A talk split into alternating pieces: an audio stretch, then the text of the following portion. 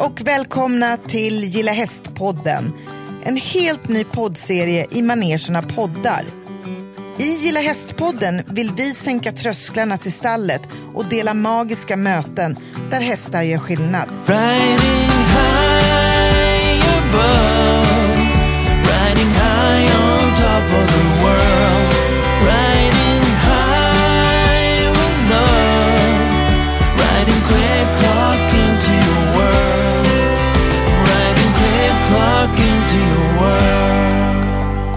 Tja Lisa! Hej Malin! Hur mår du? Jo men det är bra. Det, det som är lite spännande är att vi sitter ju faktiskt i Göteborg idag. Det skulle varit en horse show här. Det skulle ju ha varit dubbla världscupfinaler och alltihopa, men en pandemi och ett utbrott av ett virus satte ju stopp för det som vi alla vet. Men det sätter ju inte stopp för Gilla Hästpodden. Såklart inte. Nej, för idag ska vi träffa en jättespännande gäst. Och vem är det Malin? Men det är ju Johanna Lassnack som em, jag träffade på första gången för ungefär sex år sedan. Vem är Johanna Lassna? Kan du bara säga kort? Ja, men hon är ryttare, hon är föreläsare, hon är entreprenör och hon coachar andra eh, idrottare. Mm. Och det som vi är nyfikna på med henne, eller kände jag i alla fall när du berättade om henne, det är ju just den här eh, mentala coachande delen som hon jobbar med. Hon är ju själv faktiskt bara 30 år gammal, så hon är ju ganska ung men har redan kommit till så många insikter och hittat eh, verktygen, kanske man ska säga, eh, för att själv eh, ja, hantera livet men också att kunna hjälpa andra. Och hon har ju riktat in sig på ryttare till att börja med men hon har ju också nu börjat coacha barn och unga i största allmänhet. Mm. Och som sagt var, jag träffade på henne på Trosa ridskola, jag tror att det är sex år sedan, och jag verkligen slogs av hennes klokhet redan då.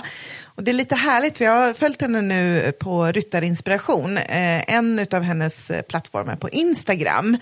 Och eh, äh, det finns väldigt mycket klokhet att, att följa där, och hon har ju andra kanaler som Ja men exakt. Och som du nämnde där Malin så, så är hon ju, hon, hon har ju föreläst väldigt mycket under då det här Ryttarinspiration-namnet. Men hon har ju då också en superpopulär YouTube-kanal. Hon har konton på Instagram och Facebook och nu när vi kollade precis så har hon ju nästan 60 000 följare på Instagram. Och har liksom lyckats hitta en nisch inom eh, hästnäringen om man nu säger så. Som kanske inte så många andra har hittat faktiskt. Alltså just den här mentala coachingen. Alla som håller på med hästar och hästsport har ju den här dimensionen att vi faktiskt jobbar med ett djur och hur mycket vi kan påverka våra resultat eller våra prestationer genom att kunna kontrollera oss själva.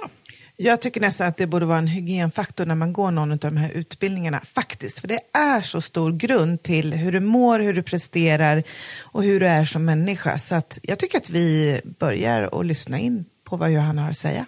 Det gör vi. Häng med! Häng med! I'm riding quick clock into your world. Hej och välkomna till Gilla Hästpodden. Idag har vi med oss en superhärlig och spännande tjej som heter Johanna Lassnack. Hon är inte bara föreläsare, hon är även entreprenör, ryttare och coach för unga idrottare. Välkommen Johanna! Tack så jättemycket. Superglada att få med dig här idag. Och idag sitter vi i Göteborg och det är ju som vi alla vet en annan tid. Här skulle det ha varit dubbla världscupfinaler och när, vi, när du klev in här i rummet i poddstudion så sa du också att det känns så konstigt att vara här när det är helt... Hur kändes det att komma hit? Ja men det kändes verkligen dött. Alltså, man, jag fick lite sorg i hjärtat när jag klev in på Gotia där och i vanliga fall det är massa människor och man ser människor man känner och man tänker att nu har jag ett fullspäckat schema med hästhoppning och mässor och uppdrag men så är det bara dött. Så lite sorg i hjärtat faktiskt. Men vi ställer ju inte in Gilla Hästpodden för det. Nej, vi ställer om som allt annat. Exakt, så vi är så himla glada att du är här och att du har kommit hela denna väg för att prata med oss idag. Kul att få vara här med er. Johanna, eh, om du skulle nämna dig själv med tre ord, vem är Johanna Lassnack för de som inte känner till dig? Oj, ja men hästälskare är väl egentligen det som täcker mest. Ehm, och sen så älskar jag ju all form av personlig utveckling, både när det kommer till det mentala men även att bli så bra som möjligt rent idrottsmässigt, eh, hästhoppning som jag håller på med. Och sen, eh, ja ett sista ord, jag vet inte, alltså mänsklig, alltså försöka typ säga jag gillar, eh, ja. mänsklig. Inspirerande skulle jag säga. Ja. Men det kanske är ja. svåra ord att, att säga om sig själv. Ja, lite så. Lite jobbig fråga tyckte jag nog. Men Johanna, vi eh, är ju jättenyfikna på just den här delen som handlar om den här coachingen och, och du träffar ju väldigt många barn och, och unga i ditt jobb. Men om vi bara backar tillbaka lite, vad var det som fick in, fick in dig på den här banan från början, alltså med den här coachingen? Och vad är det för typ av eh, personer du träffar? Vad är det för ålder på dem? Kan du berätta lite om det? Mm. Det eh, börjar egentligen ganska långt bak, där jag som ung har alltid, eh, så långt jag kan minnas, haft ganska dålig självkänsla, ganska dålig inställning generellt, hade dåliga betyg i skolan, alltid haft svårt att lära mig, jämfört mig mycket, varit nervös inför många prestationer, alltifrån eh, redovisningar i skolan till när man ska gå in och hoppa den där lättén på ponnyn. Och eh, jag förstod väl inte att man kunde börja jobba med sig själv förrän i början av gymnasiet, där jag fick en mentor som eh, inspirerade mig. Hon sa egentligen inte så mycket till mig, men bara hennes sätt att se på mig gjorde att jag ändrade mig, för hon såg att jag klarade av mer än vad jag gjorde. Och när jag började förstå det så började mina betyg ändras och bli bra. Och då förstod, det var liksom ett resultat som jag såg konkret att jag kan ändra min attityd och min inställning och då blev mina betyg bra. Liksom. Och mycket hände där och jag började läsa på mycket om den mentala biten. Eh, alltså bara väldigt lätt så här, äh, läsa böcker, googla lite, gå på någon föreläsning och så. Och börja ta hjälp av de här verktygen som jag hittade. Och eh, hjälp, det hjälpte mig väldigt, väldigt mycket. Både med nervositet och hantera misslyckanden och motgångar och sådär. Så att väldigt, en väldigt, väldigt kort historia som egentligen kan bli hur långt som helst är väl att jag jobbar med mig själv några år och eh, Sen så kände jag att det här finns inte så mycket i ridsporten. Vi pratar så mycket om, om hästar och utrustning och vilken tränare man ska ha, vilket foder och, och så, och lägger mycket pengar och energi där. Och så tänkte jag så här att det kvittar egentligen om vi inte, alltså om vi har all in i stallet men ändå inte kan prestera. Hur liksom, det går ju inte. Så att jag ville få in den mentala träningen i ridsporten bland unga, för att jag tänker att det är där det börjar. Inte utesluta de äldre, absolut inte, men verkligen inspirera unga att tidigt börja jobba. Så då startade jag Ryttarinspiration, en, en sida som blev först en Facebook-sida, sen en Instagram-sida, som blev föreläsningar, podd och idag jobbar jag på individnivå. Eh, och målgruppen är framförallt tjejer mellan 12 och 30 ungefär. Men det är, inte, det är inte bara ryttare som jag har förstått, utan du har gått utanför själva ryttarvärlden också nu va? Jag har gjort det. Det, har, det är egentligen inget jag har eh, aimat för, utan det har varit så här att någon har haft någon, någon tyskon som spelar fotboll och någon har haft så och så har det spridit sig. Men min, det jag vill och det jag känner att det jag behärskar absolut bäst är ju ryttare. För det är där det kommer in det här unika att en ryttare hjälper eller coachar en ryttare. För att det är så stor skillnad på att coacha någon som spelar fotboll och någon som sitter på en häst, som, som sitter på ett levande djur. Och har man inte den erfarenheten själv som ryttare så är det svårt. Så att det är väl det som jag känner är kraften i det jag gör, att, att ha varit, eller är ryttare själv. Vad vad är det våra unga eh, ryttare, eller unga i i största allmänhet, vad, vad är det vi, de kämpar med? Då? Vad är det de behöver coaching kring? Mm, det är mycket jämförelse. Det är, är det, både rent resultatmässigt, eh, kan vara hästmaterialsmässigt, resultatmässigt, men också men man, man vill vara som, som, som alla andra, lite grann så, och att man inte är bra nog och man, mycket, mycket dålig självkänsla och, och så.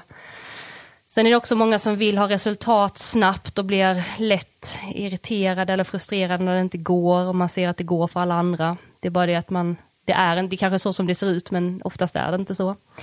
Um, Mm, alltså svårt att gå in i sin bubbla och fokusera. För att dels tänker man kanske på hur ska resultatet se ut i, Equip? Um, ehm, det schabraket jag har, är det tillräckligt snyggt? Um, man oroar sig för vilka som sitter på läktaren. Alltså just den här fokusdelen. Eh, och, och att kunna jobba med sig själv, alltså att, att bli medveten om sina, sina styrkor och områden som man behöver jobba med. Det, det, det jobbar jag ju mycket med så att man kan börja förändra sig.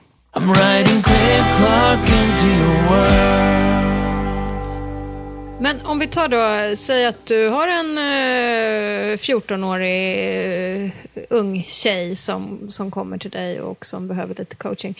Hur ser ett sånt upplägg ut? Alltså, v- hur, hur lägger du upp det? Vad, vad gör man? Mm. Det är väldigt individuellt.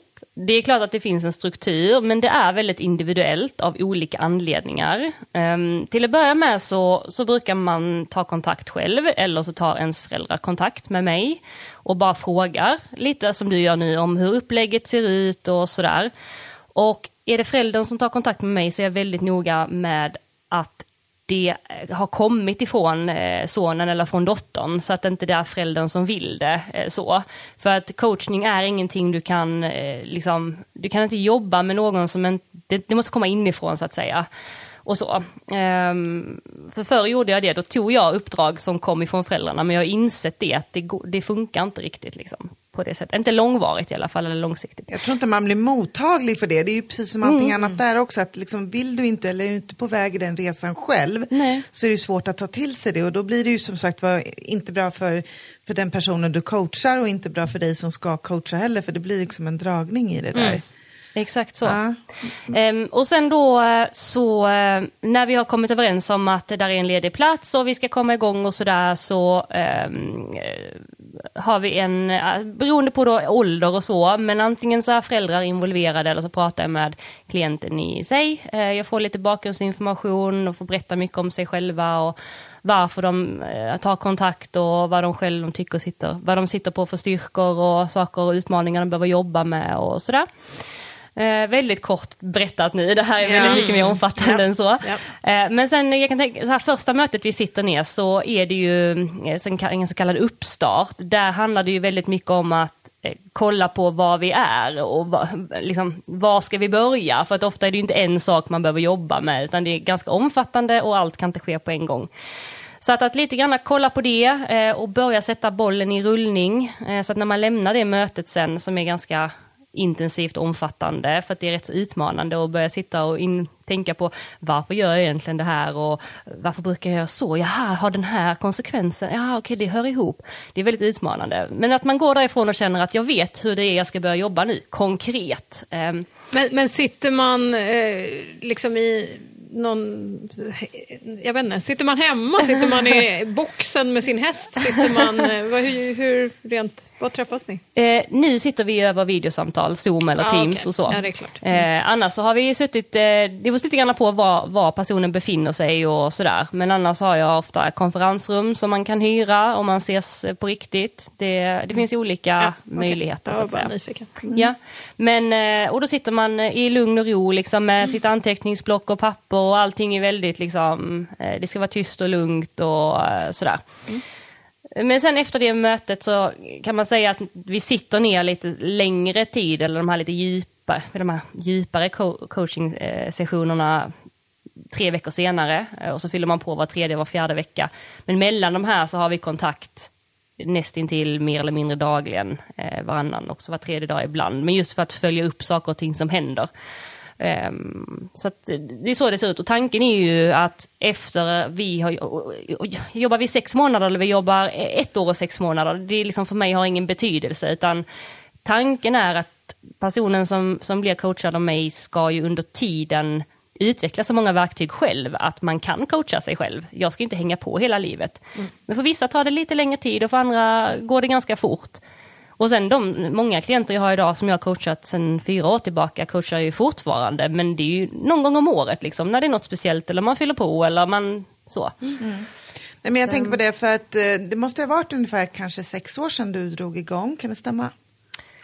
2013 drog jag igång med ryttarinspiration. Ja. Men, ehm, mm, Börjar inte- Precis, och då kommer jag ihåg att jag träffade dig på Trosa ridskola uppe i Sörmland. Nej. Och jag blev så... Jo. Var du där? ja, jag var där. Oj. och jag blev så glad för att jag är ju precis även där så här, jag har liksom tampats med mycket tankar och liksom högt självförtroende med låg självkänsla och ibland tvärtom också just att liksom, jag tror inte att jag är kapabel till att göra det fast jag vet att jag kan göra det för att alla andra förväntar sig att jag inte ska klara det och så vidare och så vidare. Så jag blev så glad att det var äntligen någon som har liksom tagit tillvara på det här och gjort det till ett koncept. Och jag kan bli lite förvånad över att inte det har funnits tidigare heller. För i alla andra delar av idrotten, jag är god vän med ett par stycken eh, friidrottare liksom, som är på elitnivå, de har ju alltid liksom haft en, ja men liksom coachare som, som coachar dem på sidan om och sen har man haft en coach som coachar dem kring själva liksom, tekniken, det de gör. Och så har det inte sett ut inom ridsporten förrän nu. Så att det, det tyckte jag var väldigt, väldigt välkomnande faktiskt. Och, och jag tror att det behövs mer utav Johanna Lassnack. För man kan inte vara överallt och ingenstans, men det du gör är nog en liten, också en liten så här, en resa för andra att förstå hur viktigt det är att ha, att ha tankarna i balans liksom, för livet. Jag, menar, jag tänker, eller jag ska fråga dig Johanna, vad är ryttare kämpar med jämfört med, vad ska man säga, vanliga, eller andra, Andra idrotter andra eller? idrotter? Mm. Eller? Jag upplever, det jag jobbar väldigt mycket med just med ryttare, det är att kunna hantera sina känslor. Eh, för att i andra idrotter så kan man ibland använda känslorna som förstärkning, eh, alltså positivt, också negativt, men positivt, att man, att man sätter en viss känsla i kroppen för att kunna öka sin prestation och, och sådär. Och ibland kan lite frustration göra att man shapar till sig lite grann. Eh, det behöver inte alltid vara så, men vissa människor fungerar det på och så vidare. Problemet är att vi som är ryttare har en häst under oss som påverkas extremt mycket av det som händer i vår kropp. Eh, och det som händer i vår kropp kommer ju från vad vi tänker, alltså där uppe. Och när tankarna är, består av rädsla eller frustration, irritation, lite tålamod, så går det ut över hästarna eftersom att det speglar i vårt kroppsspråk. Och då kan man utan att man kanske många gånger är medveten om det skapa press eller stress hos hästen som, som kanske i sin tur stänger av eller blir het eller kanske bara blir helt plötsligt helt skänkeldöv och, och man blir irriterad, ännu mer irriterad för att hästjäklen funkar liksom inte, det brukar funka. Eh, och där jobbar jag jättemycket med att kunna hålla sig väldigt känslomässigt neutral. Både positivt, eh, alltså både med positiva känslor och negativa känslor.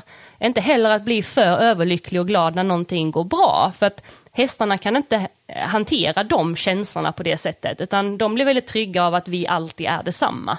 Och ger tydliga instruktioner och liksom allting är samma. Vi ber om någonting och det blir samma svar och, och så. så det... Ja, men, och, det är ju jätteintressant för att jag har ju själv då min verksamhet Lära mig hästar och det är precis det här som vi också jobbar med. Alltså jag menar det här gäller ju inte bara ryttare som tävlar på, på olika nivåer liksom inom ridsporten utan att tillsammans med en häst kunna träna upp att styra liksom, ja, Känslostyra, känslor- liksom. Ja. Känslor och att hur jag är så kommer hästen eller min omgivning också bli. Eh, och hur mycket man kan påverka genom att jobba med det. Och jag tycker också just att ju tidigare man kan få med sig det även i åldrarna, för jag tänker på som jag sa, mina två senaste veckor var väldigt turbulent i och med att min hund skadades väldigt kraftigt i ett diskbråck och ja, men, för mig är ju de mitt allt så. Ehm, och hur jag faktiskt har valt bort ridningen de här sista veckan för att jag gör inte ett bra jobb. Jag åker dit och ryktar och liksom lackar hovar och gör det som är en terapeutisk form, men jag ska inte sitta på ryggen för att jag är trött fysiskt och mentalt och jag är inte i, liksom, i bubblan och jag, jag vet med mig, så mycket har jag liksom ändå lärt känna mig själv att jag vet att om jag inte är i den mentala balansen så kommer jag bli frustrerad över den där fattningen som inte satt där och då kommer han få en, en skopa av sleven och det är inte okej liksom, för det, är inte, det handlar inte om honom, det handlar om att jag inte är i balans. Så ju förr ungdomar och unga liksom, idrottare oavsett, för det är ju, vi ryttare är ju idrottare också, ju tidigare de kan få med sig det desto bättre kring också själva liksom, filosofin kring hästen, hur man umgås med en häst tänker jag. Och, och ungdomar och unga utanför hästvärlden också. Alltså för det är ju de som jag träffar mycket av också. I'm riding Clip Clock into your world. Jag ska dra lite siffror där faktiskt, apropå det, men just det här med eh, psykisk ohälsa. Vi har tagit upp det tidigare i podden och eh, det är ju en av de stora samhällsutmaningarna i världen framåt nu och då är det så här att 2030 räknar WHO, alltså Världshälsoorganisationen, med att psykisk ohälsa kommer att stå för den, den största sjukdomsbördan i världen. Och att varannan svensk någon gång i livet kommer att drabbas av psykisk ohälsa. Vad krävs för att vi ska kunna vända den här trenden, tror du Johanna? Vad känner du liksom är någonting som vi skulle kunna jobba med, rent sådär? Mm. Och det är så stor fråga att man känner, man känner sig så liten i den. Men visst Alltså, känns det ganska läskigt när man hör den här siffran, liksom, att det, det är så pass. Och jag tänker också just ur vad som ska komma ur den här pandemin. Vi är ju ändå lyckligt lottade att vi får vara i stallet och vara med hästar. Att man liksom får den bekräftelsen och den trösten och den kunna komma ut i, i friska luften. Det finns ju människor som är betydligt eh, sämre förutsättningar än oss. Liksom. Men, men hur, jag tänker på hur skulle man, hur ser du på din, liksom, i, din, i ditt uppdrag och det du gör med, med dem? På vilket sätt känner du att du skulle kunna ändra och förändra? Ja, det jag upplever mycket med den psykiska ohälsan, och då tänker jag både på den psykiska ohälsan som är, har gått långt och är väldigt, alltså väldigt omfattande till en mindre grad. Och då menar inte jag lägga värdering i vilket som är värst, för att även om man inte har gått så långt att man är på det absoluta mörk, alltså det längst ner, så är det ändå verklighet för den personen. Så att det handlar inte om att det är värst för någon eller inte, men jag menar bara var man, om man är i början eller om man har varit längre eller så. Det jag upplever jättemycket är att det finns en enorm skam eh, kring att prata om sina känslor och eh, sina tankar och, och att man lägger locket på mycket eh, och trycker undan allting som kommer. Eh, att man kanske inte vågar uttrycka eller man är rädd för att bli utstött från gruppen eller alltså så. Och jag upplever att man då hela tiden fyller på sig själv med, eh, om man tänker att man är själv som en bägare, att man fyller på med sot där hela tiden. Eh, och trycker och trycker och trycker, plus att man kanske har lite dålig man känner lite dåliga tankar om sig själv, man är inte tillräcklig och sådär. Det blir mycket negativt och då till slut så rinner det över. Och eh, då är det svårt eh, och då finns det heller inte plats för eh, andra eh, bra känslor och upplevelser och så. Så att just det här att våga bara prata, eh, för jag menar vi om man kollar på terapi idag, vi har ju psykologer och andra terapeuter och det är KBT och det är liksom så många olika varianter vi jobbar med. Och, allt handlar i slutändan om att prata.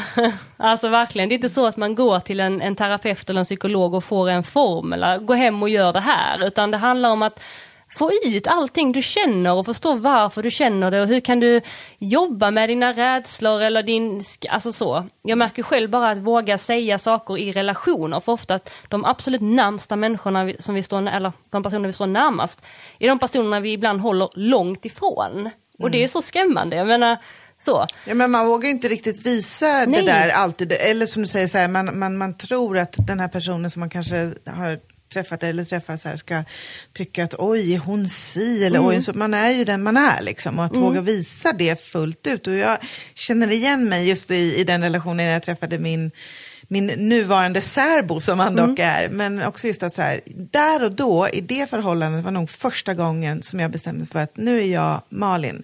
Det är inget mer eller mindre utan det är det här, det är toppar och det är dalar och det är liksom allting däremellan. Och det har ju gjort att han är inte liksom bara min, min allra käraste utan han är faktiskt en av mina absolut bästa vänner för att jag bara vågar släppa på. Han har varit med mig i sorg och i uppgång och i nedgång och i medgång. Och Jag tycker att det är viktigt att verkligen så våga tala om de här känslorna. Att världen är inte som det alltid ser ut på Instagram som folk kanske tror i de här glada momenten. Utan det är sot ibland och man mår skit. Och det händer saker i livet som gör att man ja, man måste bara vara människa där i också, tänker jag. Mm, ja, verkligen. Och, och just det här också att um när man, eh, idag, nu när du pratar med Instagram och allting ser bra ut och så, man tror ju också att man ska bli dömd, som du är inne på. Men vi alla människor är ju människor med känslor, vi vill bli sedda, vi vill bli kräftade, vi har sårbarhet, vi blir ledsna. När någon kommer, nu tar jag mig själv, om någon kommer till mig och visar sårbarhet så kommer jag inte stötta bort den personen utan tvärtom kanske känna empati, vilja hjälpa till, för det ligger också naturligt i människan att vilja finnas där och vilja stötta och, och, och så här. Så att man inte tror att man är ensam. För att alla, det jag upplever, och det här är liksom, det har aldrig slagit fel, det är att alla kämpar med sin, sin egen skit och håller upp en fasad för att överleva. Liksom. Eh, och det tror jag, kan man bara känna till det så kan man också våga liksom släppa loss lite och det är det som jag får mycket uppmärksamhet som jag, är- jag är glad att jag får den uppmärksamhet, inte att jag får uppmärksamheten, utan att det uppmärksammas att jag delar med mig av både högt och lågt. Liksom. Eh, för det är många som skriver det, oberoende av varandra. Tack för att du gör det, för det gör att jag inte känner mig ensam. Och det är bara ett bevis på att vi är inte ensamma. Och sen bara lite, jag vill bara kort säga det som du sa med psykiska ohälsan.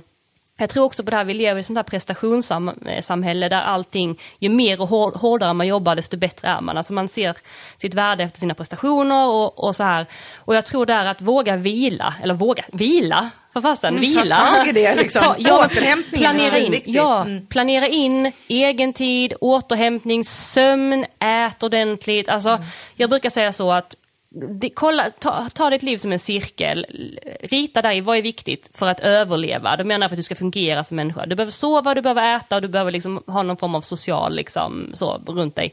Och, och, och många andra grejer, men det kan också vara individuellt. Men innan de här sakerna är checkade, svara inte ja till andra, utan se till att du funkar, sen kan du ta på dig mer om du känner att det finns utrymme. Men du kan inte tumma på de här sakerna. Jo, en gång, jag menar GOS här fem dagar i rad, det är klart man tummar lite på sömnen, man måste för att man så, eller man jobbar länge, men över tid, nej.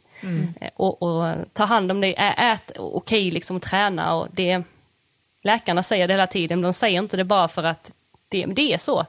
Att röra på sig, äta ordentligt och vila, återhämtning. Men Johanna, du är ju själv ganska ung, får man ju säga, jämfört med de här två tanterna. Dinosaurier. och mig. Men eh, hur får du de här unga att börja prata? För det var ju det du sa, det viktiga är att vi börjar prata.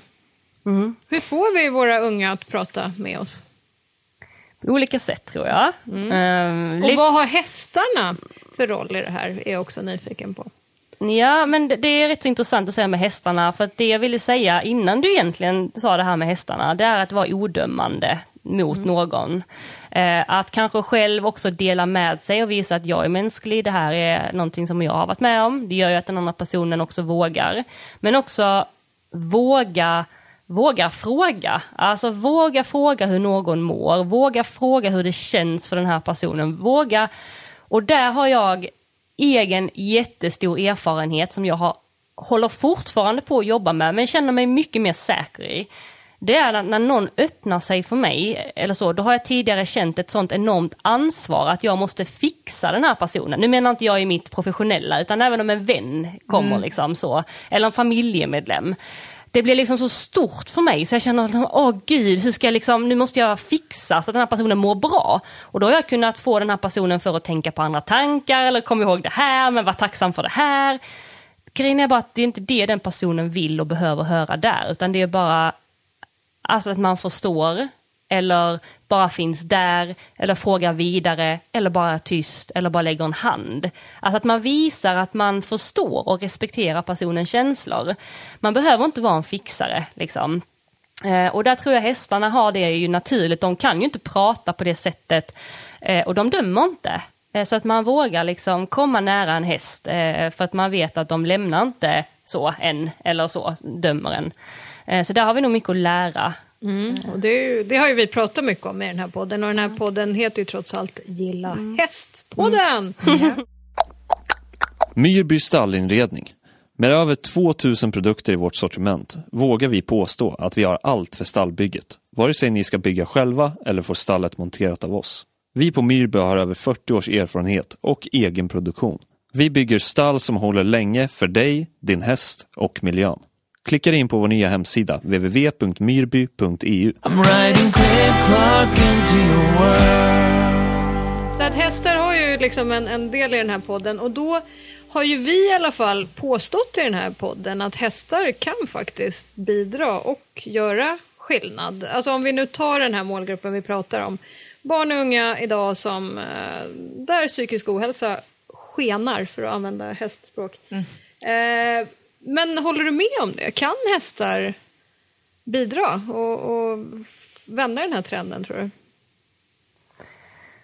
Um, alltså jag vågar inte uttala mig i och med att jag inte har någon vetenskaplig bakgrund kring det eller så, men jag vill ju tro det, eller jag upplever ju att de har en stor roll. Jag tror inte hästarna i sig kan vända det helt, det tror jag inte, men jag tror att de har en fantastisk roll i det hela och kan bidra till det och hjälpa till med det. På vilket sätt? Um, men jag tänker om man bara tänker ännu mer så att, att ha en häst, att, att bara det här, man, man, hästen kan man ju ha på så många olika sätt. Man kan använda hästen som motion, alltså bara det att man kommer ut och får röra på sig och också känna den här samma, samhörigheten med ett djur, alltså och bara få lägga handen på en varm päls eller en mile mot kinden, alltså det, det aktiverar ju mycket liksom signalsubstanser och så i vår kropp som vi mår bra av. Det, är ju liksom, det finns det ju forskning på, men eh, jag tänker också att att ta ansvar för ett djur om man har egen häst och så. Eh, att ta ansvar för ett djur och, och, känna sig behövd där.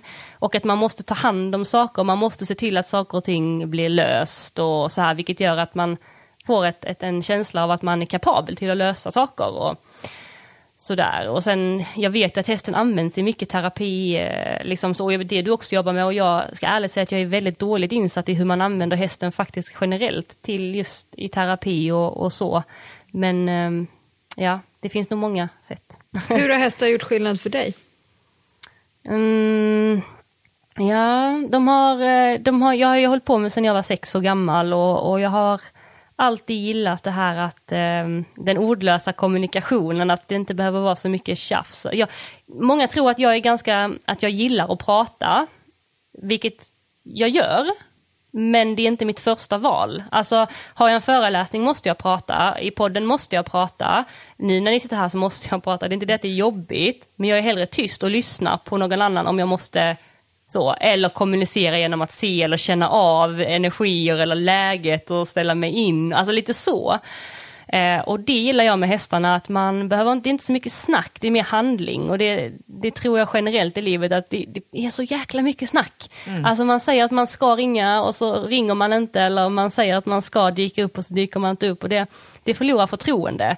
Och hästarna visar också direkt när de förlorar förtroende, för att du kan inte sätta, du kan göra misstag om du har fyllt upp ägaren på hästarna, att du har visat att de kan ha förtroende för dig, då kan du ha råd med misstag, för jag menar vi är inte perfekta, vi gör ju misstag hela tiden. Men vi kan inte utnyttja våra misstag eller göra fel, liksom förtroendet hos hästarna för mycket, för då går det inte heller. Det gillar jag. Och sen ansvaret kring att ta hand om det här djuret och sen få saker och ting och bara liksom Alltså det är så otroligt att man kan kommunicera med hästarna utan språk. Alltså prat, kroppsspråk och så, men inte prat. Mm. Jag tycker det är, det är svinhäftigt, precis det du nämner också, just det här att, liksom att bara sitta och titta på en häst eller mm. liksom, som du säger, när man kommer, när man kommer dem riktigt nära, så när man känner de här nästan energierna, det, går näst, det är nästan så här, du kan inte förklara det om du inte har liksom varit med om det själv, men det är ju ett magiskt möte som sker mm. där och då, och som du säger, när man vinner hästens förtroende för en också. Att, ja, det, mm. det är bara magiskt, jag håller helt med. I'm riding clear clock into your world. Jo, Johanna, eh, nu när vi pratar om hur hästar har gjort skillnad för dig, så, eh, och du nämnde lite där att när du växte upp så kämpade du lite med dålig självkänsla och att hästarna har liksom haft en, en viktig roll där. Men eh, du har ju också varit med om en obeskrivligt svår sorg ganska nyligen när din pappa avslutade sitt liv. Eh, vill du berätta om det och eh, berätta lite hur tog du dig igenom det? Eh, hur har det påverkat dig? Och har hästarna haft en viktig roll där också? Mm. Jag är till att börja med väldigt glad att du ställer frågan. Eh, eftersom att det är någonting jag upplevt det här nu är det ett år sedan snart, det är snart årsdagen. Och jag har varit med i många intervjuer, både poddar och artiklar och så, vilket jag ändå på ganska månadsbasis är. Men eh, inte fått frågan eh, så och jag, det är just det vi pratade om innan, att man vågar inte fråga heller om eh, hur mår du eller eh, hur kändes det när din pappa avslutade sitt liv? För att man tänker att, åh gud, jag vill inte, jag vill liksom inte röra upp känslorna på något sätt så, men ibland är det bara skönt att någon faktiskt frågar, eftersom att ingen vågar fråga.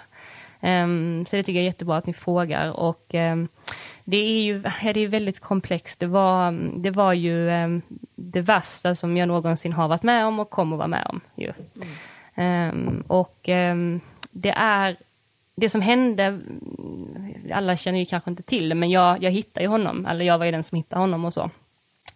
Och en, en reaktion av det blev ju att jag blev eh, Alltså jag fick ju ett posttraumatiskt, stress, eh, alltså posttraumatiskt stresssyndrom efter det. Eh, jag var rädd för allt. Jag var... Ehm, eh, jag kunde inte komma ihåg saker och ting. Jag gjorde konstiga grejer. Jag kunde liksom inte ens... Jag körde fel väg till stallet som jag alltid hade kört rätt till. Jag hällde liksom mjölk i kaffekokaren. Jag liksom blev rädd så fort någon höjde sitt finger eller tittade lite snabbt. Alltså då trodde jag för mitt liv att jag liksom Alltså då satte hela mitt stresssystem igång. Och det är någonting jag aldrig har varit med om eh, tidigare. Jag är väldigt tacksam att jag har varit med om det, vilket gör att jag förstår människor som har varit med eller är i det. Um, men det är ju komplext på det sättet att en, man förlorar en, en, en förälder som i sig är en sorg, men det är också så komplicerat, ett komplicerat sätt att dö på. Mm. Uh, och så. Um, men jag uh, har, jag vet inte om jag har, jag har, jag, det jag har gjort är att jag har gråtit, jag har pratat, jag har skrikit, jag har uh, sagt, berättat. Det första jag gjorde uh, var alltså, dels först när det hände så, så, bara tappade jag ju allt. Det fanns ju inte min, jag vet inte min mobil, jag vet inte ens vad den var på två veckor. Alltså det var liksom, det fanns inte någonting där eh, som, som jag ens kunde. Jag kollade inte på någonting överhuvudtaget. Eh, men sen efter tre veckor tror jag någonstans där så tänkte jag att vad folk började skriva, hade jag sett så här, har det hänt någonting? För jag bara försvann överallt ifrån. Och då eh, tänkte jag att hur fasen ska jag komma tillbaka till mina sociala kanaler? Och mina sociala kanaler för mig har aldrig varit sociala kanaler för att liksom lägga upp så alltså content, utan det är att dela med mig av mitt liv. Och då tänkte jag att jag, jag måste berätta, för annars kommer jag aldrig kunna komma tillbaka. Så då valde jag att gå ut och berätta vad som har hänt. Eh, och det hjälpte mig jätte, jättemycket. Mm. Eh, och eh, sen eh, har jag ju då tatt, eh, gått i terapi sen i augusti. Detta hände i april. Och just att ha fått återigen prata och fått frågor och fått liksom yttra allt. Jag bara känner och tömma allt har ju gjort att jag har kunnat komma tillbaka liksom. Mm. Och inte varit skämts för det och så. Så att Ja, jag vet inte hur jag ska svara konkret på hur jag har kommit tillbaka ifrån det, mer än att jag bara har försökt göra det jag känner för stunden. Alltså jag har inte pressat mig. Nu vet jag att jag är jättestresskänslig i och med att jag, jag tror att jag är ganska läkt från det här liksom. Um, men jag blir ju väldigt lätt stressad och då kan jag inte, jag får planera dagarna efter att inte ha för mycket helt enkelt. Mm. Så att, um, men hästarna har ju då, de, de gjorde att man kom tillbaka mycket fortare. Man, man var inte tvungen för jag fick jättemycket hjälp av min tränare och hans sambo och så, men man ville tillbaka i sadeln och, och så, och bara sitta i boxen blev ännu mer viktigt än vad det hade varit innan. Alltså bara vara i stallet eller bara inte komma dit och inte göra någonting, utan, för det behövde jag inte då, de hjälpte mig med allt, liksom ridning och så här, och bara sitta och titta när någon annan red på min häst och så. Eh, sen så är det ju så att jag tror att hästarna har hjälpt mig också att komma tillbaka i vardagen för att jag märkte att min ridning blev ju helt annorlunda när jag skulle hoppa upp igen. Jag, helt plötsligt visste jag inte hur man gjorde en ordentlig galoppfattning, jag kunde inte se distans och jag blev rädd för att hoppa liksom 80 centimeter när jag tävlar 1,30 liksom. Eh, och där har man ju varit tvungen att ta tag i det och utmana sig liksom. Eh, så det har de också hjälpt till med. Mm. Men är det inte ganska alltså, läskigt tycker jag? För jag känner igen mig som jag sa, man, man har levt och man har liksom gått igenom en hel del saker också i livet. Just det att man, man, man, som du då, jobbar som mental coach och är mentalt förberedd och peppar alla andra att vara liksom där och då och så. Och så när det själv drabbar en, hur jäkla sårbar man är, hur liksom allting bara går ner på noll egentligen. Och precis det du säger så här, man, man vet inte var man är, man, man, man kan inte komma ihåg någonting. Det är så här, från att vara så superstrukturell och jätte liksom, fokus till att bli någon helt annan. Man blir ju också väldigt rädd för sig själv. Och, och just då brukar jag tänka på så här, ja men du är inte din tanke, men det är väldigt viktigt det du säger, att man också ger sig själv den tiden och respekten att faktiskt få vara i den här sorgen eller traumat eller frågorna och liksom bara ta det bit för bit. Att det liksom, det är så kroppen läker liksom i det här också. Jag tycker att det är väldigt bra beskrivet. Eh, och jag kan ju bara föreställa mig just alla de frågorna man har när det händer en sån här sak. Att liksom varför och på vilket sätt. Och då är det jättebra att man tar hjälp av någon. Att, ja, men, att du fick ta hjälp av någon annan nu istället för att du hjälpte någon att ta sig vidare på det. Så ja, Och jag tror det är generellt också eh, i livet när man, eh, att man inte känner att en mental starkhet behöver vara att man klarar sig själv alltid och alltid klarar allt, utan det handlar lite, jag brukar säga också det i allt jag pratar om med mina klienter och så, bara en sån grej när man pratar om fokus. Problemet är inte att man tappar fokus, för det gör vi alla, det gör Peder också. Problemet är om man inte man kan ta sig tillbaka eller liksom har ett verktyg för att komma tillbaka. Och det är samma många, och jag kan ibland känna mig, eller förr kände jag mig lite så här offended när någon kunde säga så här, fast du som mental coach, alltså hur kan du känna så här eller alltså så.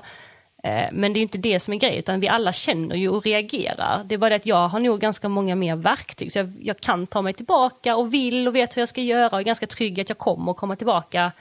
Och det är där kraften ligger, att, att ha verktygen. Och det är, det är det jag tycker man ska se som, som en styrka, att ta hjälp av de verktygen man har, be om hjälp om man inte har dem, fråga, man behöver inte fixa allting själv. Det är inte det som är att vara mentalt stark, tycker inte jag. Hur förändrade det här ditt liv och, och ditt fokus framåt, tänker jag framför allt, den här händelsen med din pappa? Mm, jag är ganska lugn i att vad som än händer så löser jag det. Alltså, och det är ganska skönt. Um, därför att det värsta har hänt. Um, det är väldigt liten risk att något lika hemskt skulle kunna hända uh, igen. Och händer det så har jag klarat det en gång så jag kommer att klara det igen. Liksom. Jag är ganska lugn i det, vilket gör att man vågar ta lite mer chanser. Man blir lite mer uh, selekt, selektiv i eh, vad man tar för eh, eh, uppdrag, vilka relationer man inleder, eh, vilken miljö man befinner sig i. Alltså man blir lite mer, vi pratade lite här tidigare, som Malin där, man blir lite så här att man har ett liv och, och eh, man, man, man har chans att leva det nu. Och sen en, en tanke som också har slagit mig, den är lite djup och den kanske kan vara lite privat, men jag väljer inte med att dela med mig av den. Och det är att jag har blivit ganska lugn med döden eh, själv faktiskt. Att jag känner lite så här att om jag skulle, nu låter det mörkt, men om jag skulle svi- försvinna imorgon så är jag ganska okej med det. Eh, för jag känner att jag, jag gör liksom det jag vill. Eh, och det finns, jag vet att jag har gjort vad jag har kunnat och förändrat så mycket jag har kunnat med mina, liksom, med det jag kan och så. Sen har jag ju jättemycket framför mig så jag hoppas kunna göra, men det är okej liksom. Och det är lugnt, alltså så. Jag älskar att du säger så, Ja, för jag är också verkligen. precis Ja. där i. Alltså, så här, just att ta vara på det livet man har att leva med. Så här, Om det skulle hända så känner jag ändå så här, jag har levt fullt ut. Jag har, liksom, jag, har varit, jag har varit snäll med mig själv, mm. åtminstone de senaste åren. Och jag har verkligen så här, jag gör så gott jag kan. Jag är människa, jag kan liksom inte göra mer än det. Och då, och då vilar jag i den tanken och känner mig liksom lugn med det faktiskt.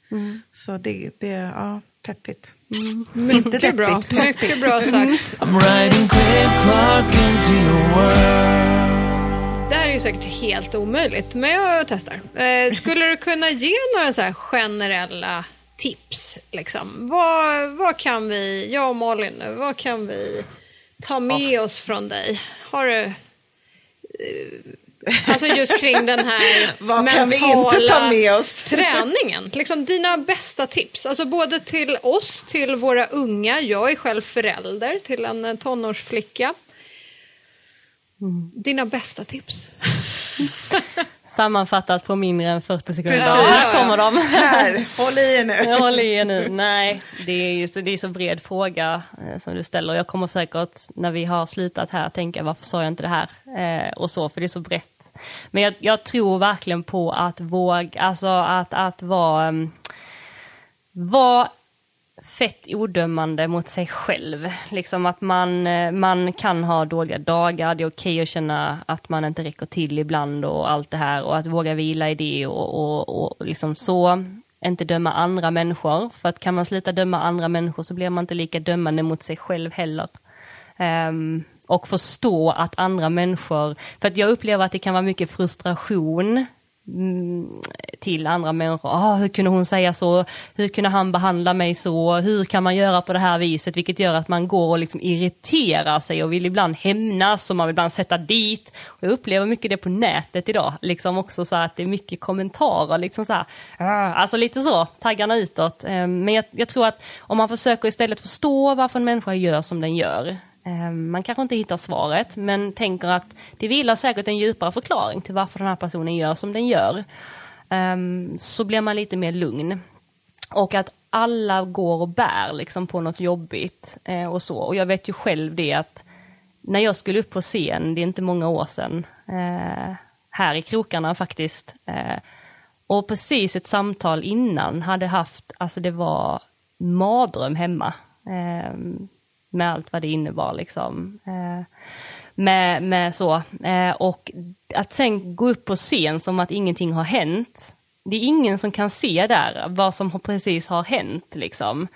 Eh, och många gånger också, förr när jag var lite yngre, mitt första skydd eh, mot det som var jobbigt hemma eh, var att vara sjukt positiv, alltså vara övertaggad, vara överglad. Det var min sköld.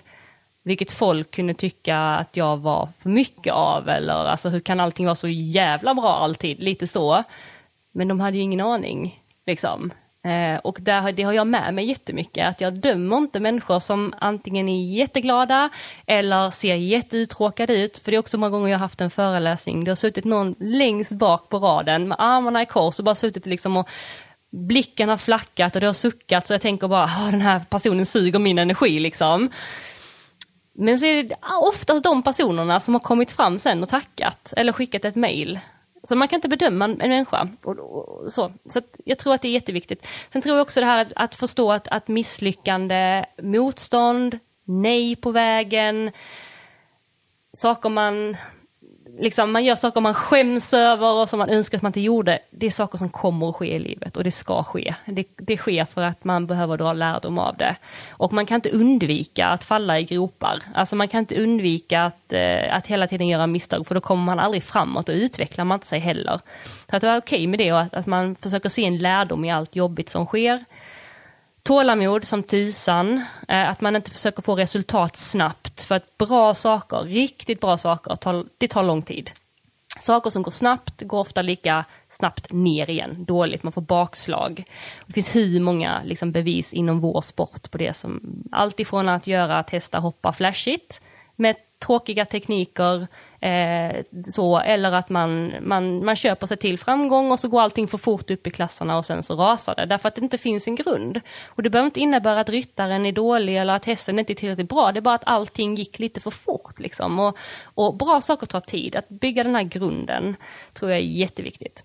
Och att ha kontinuitet i saker man gör. Hellre att rida utan stigbyglar fem minuter varje dag än att göra det 30 minuter en gång i månaden. Alltså det ligger en sån kraft i att göra det lilla varje dag. Det kommer göra att man kommer till resultatet eh, och då stannar det under en längre tid.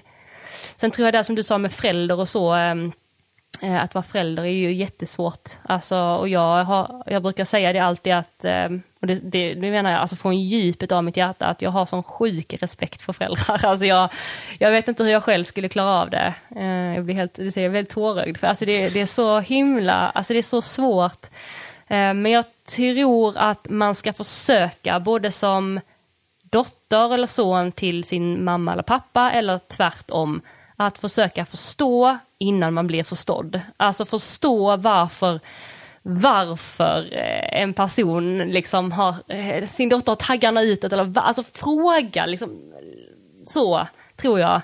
Men jag tror som förälder en stor utmaning idag, jag menar du som träffar uh, unga, unga idrottare och deras föräldrar, det är ju lite den här balansgången där vi som föräldrar dels får höra hur mycket krav barnen har på sig idag från alla möjliga håll. Det är prestation och de ska leva upp till saker både online och i, i verkliga livet. Det är höga krav i skolan, uh, ja, överallt hopas de här kraven. Och att man då som förälder liksom inte ska spä på de här kraven och samtidigt pusha sitt barn då att uh, göra rätt val och, och, ta sig framåt och inte vara för mycket bomullshandskar heller. Nej. Den balansgången tycker jag är jättesvår och speciellt med en, en flicka faktiskt som um, är på väg in i tonåren. Mm.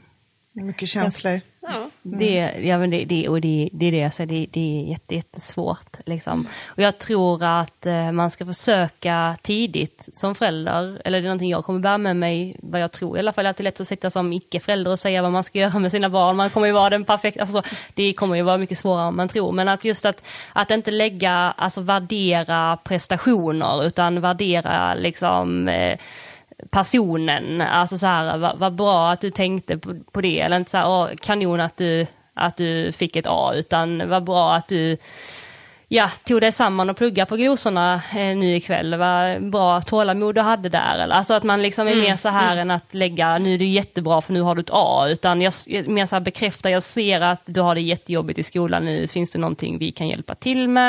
Mm. Eller jag ser att du kämpar, för att bara att höra att man ser, att man blir sedd. Mm. Istället för bara, men nu har du inte städat ditt rum heller. Och så här, man, oftast jag har den uppfattningen med de tonårstjejerna jag jobbar med, så vet jag väldigt mycket mer än vad deras föräldrar vet. Eh, och så. Eh, och det är många gånger som, eh, och jag menar det är inte lätt för man vet inte, men, men eh, att ha lite mer, ja, vara lite, ja, förstå, förstå tror jag. Det gäller med alla människor, försöka förstå innan man själv försöker bli eh, förstådd. Liksom. För att det finns ju alltid två sidor av myntet. Du har ju din anledning till varför du brusar upp över någonting och, och din dotter i det här fallet har ju sin anledning till varför hon inte tar emot det du säger eller också eh, blir kaxig tillbaka. Alltså så, det finns ju, man kommer från olika håll och man ser ofta inte varandras sidor.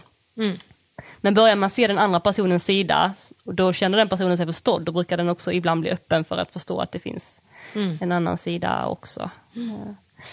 Bra Så att, tips. eh, Ja, men verkligen hur, jättebra Malin? tips. World.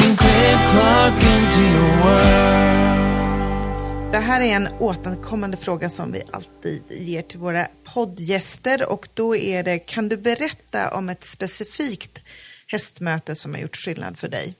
Och det får vara liksom allt ifrån när du var liten eller stort. Och vad var det i sådana fall? Vad Ja. var det? Ja men det är 100%, alltså det är klockrent. Det var, det var när jag, Safira som jag har idag, det är ett fuxsto, hon är 18 år, vi håller på att pensionera henne nu, hon ska bli mamma och så. Det var när jag, när jag eh, träffade henne. För att hon, eh, jag skulle köpa en häst, jag hade precis, jag hade sparat ihop pengar eh, första gången, ja för några år sedan. Vad är det nu, sex eller ja, fem år sedan? Fem år sedan. Som jag hade en pott att kunna köpa en häst för och jag fick lite länkar skickat till mig på Youtube av min tränare och så. Och så var det en häst, en, en vallack, en, en eh, här, brun med bläs, jättefin och så. Men när jag såg på honom så var det en annan länk för samma ägare på eh, Safira då. Och jag bara klickade på henne av ren bara nyfikenhet. Hon var inte till salu så. När jag såg henne så var det bara så här att den hästen vill jag ha. Jag har aldrig känt så starkt. Alltså, och hon, inget, hon var inget märkligt, hon gick med huvudet rakt upp och lite sur, öronen bak och liksom lite så tradig galopp och lite, så- alltså, lite så. Men jag bara, det här, jag, henne måste jag köpa liksom. Och då frågade jag mig, frågade jag om jag fick köpa henne men hon var inte till salu. Så jag köpte den här vallacken istället. Eh, och, så. och sen två år senare så blev hon eh, till salu. Eh, och jag eh, blev egentligen inte erbjuden att köpa henne för det var en annan elev till min tränare som behövde häst då och eh, jag hade inte heller pengar att egentligen köpa en häst till. Liksom. Så att hon eh, köpte eh, henne och i, i och med att vi hade samma tränare så, så landade hästen hos oss på gården liksom först innan den kom hem och så för att se till så att allting var bra och så. Och då minns jag också när, hon, när jag kom in där till henne i boxen att jag, jag avundades den här personen så enormt att hon fick köpa henne. Och jag bara såg liksom, det var, det var helt galet den känslan när jag såg henne. Det, var- tiden stannade och jag bara kände, glädje men också någonstans hat över att jag inte kunde få liksom plocka ut henne och rykta henne och, och liksom börja rida på henne. Men så, så gick tiden och eh, inte för att gå för djupt i det så eh, några månader senare så visade det sig att det fungerar inte mellan de två. Eh, och då eh, blev jag bara uppringd en kväll när jag satt hemma och av min tränare och frågade kan du komma och provrida henne nu, liksom på sekunden. Eh, och det gjorde jag. Eh, och sen den dagen då så eh, ja, fick jag möjlighet att köpa henne. Och nu står hon där och hon kommer att stå där tills hon inte står på sina egna ben tänkte jag säga, men tills hon inte finns längre. Så det, Men det to är be. nog- Ja, Ibland, ibland det kan det vara värt att tråna lite också. Ja. För att verkligen få känna det där. Ja, Så. Ibland är ju känslan före handlingen och tanken. Så att, eh, Grattis till er båda då. Verkligen. Vilken fin historia. Johanna, tack för att du kom till våran podd och delade med dig av alla klokskaper. Och verkligen, och visa på just att försöka vara lite mera öppen och mänsklig och se, se andra för att man ser sina egna problem. Ja, många bra tips som jag kommer sitta och fundera på här nu i bilen. Jag Landa med. lite. Mm. tack för att jag fick komma. Tusen tack. Tack ni också. Tack snälla. Gilla hästpodden ryms i satsningen med samma namn som drivs av hästnäringens nationella stiftelse, HNS. Läs mer på gillahäst.se och följ oss gärna i sociala kanaler. Myrby stallinredning. Med över 2000 produkter i vårt sortiment vågar vi påstå att vi har allt för stallbygget. Vare sig ni ska bygga själva eller få stallet monterat av oss. Vi på Myrby har över 40 års erfarenhet och egen produktion. Vi bygger stall som håller länge för dig, din häst och miljön. Klicka in på vår nya hemsida www.myrby.eu. Riding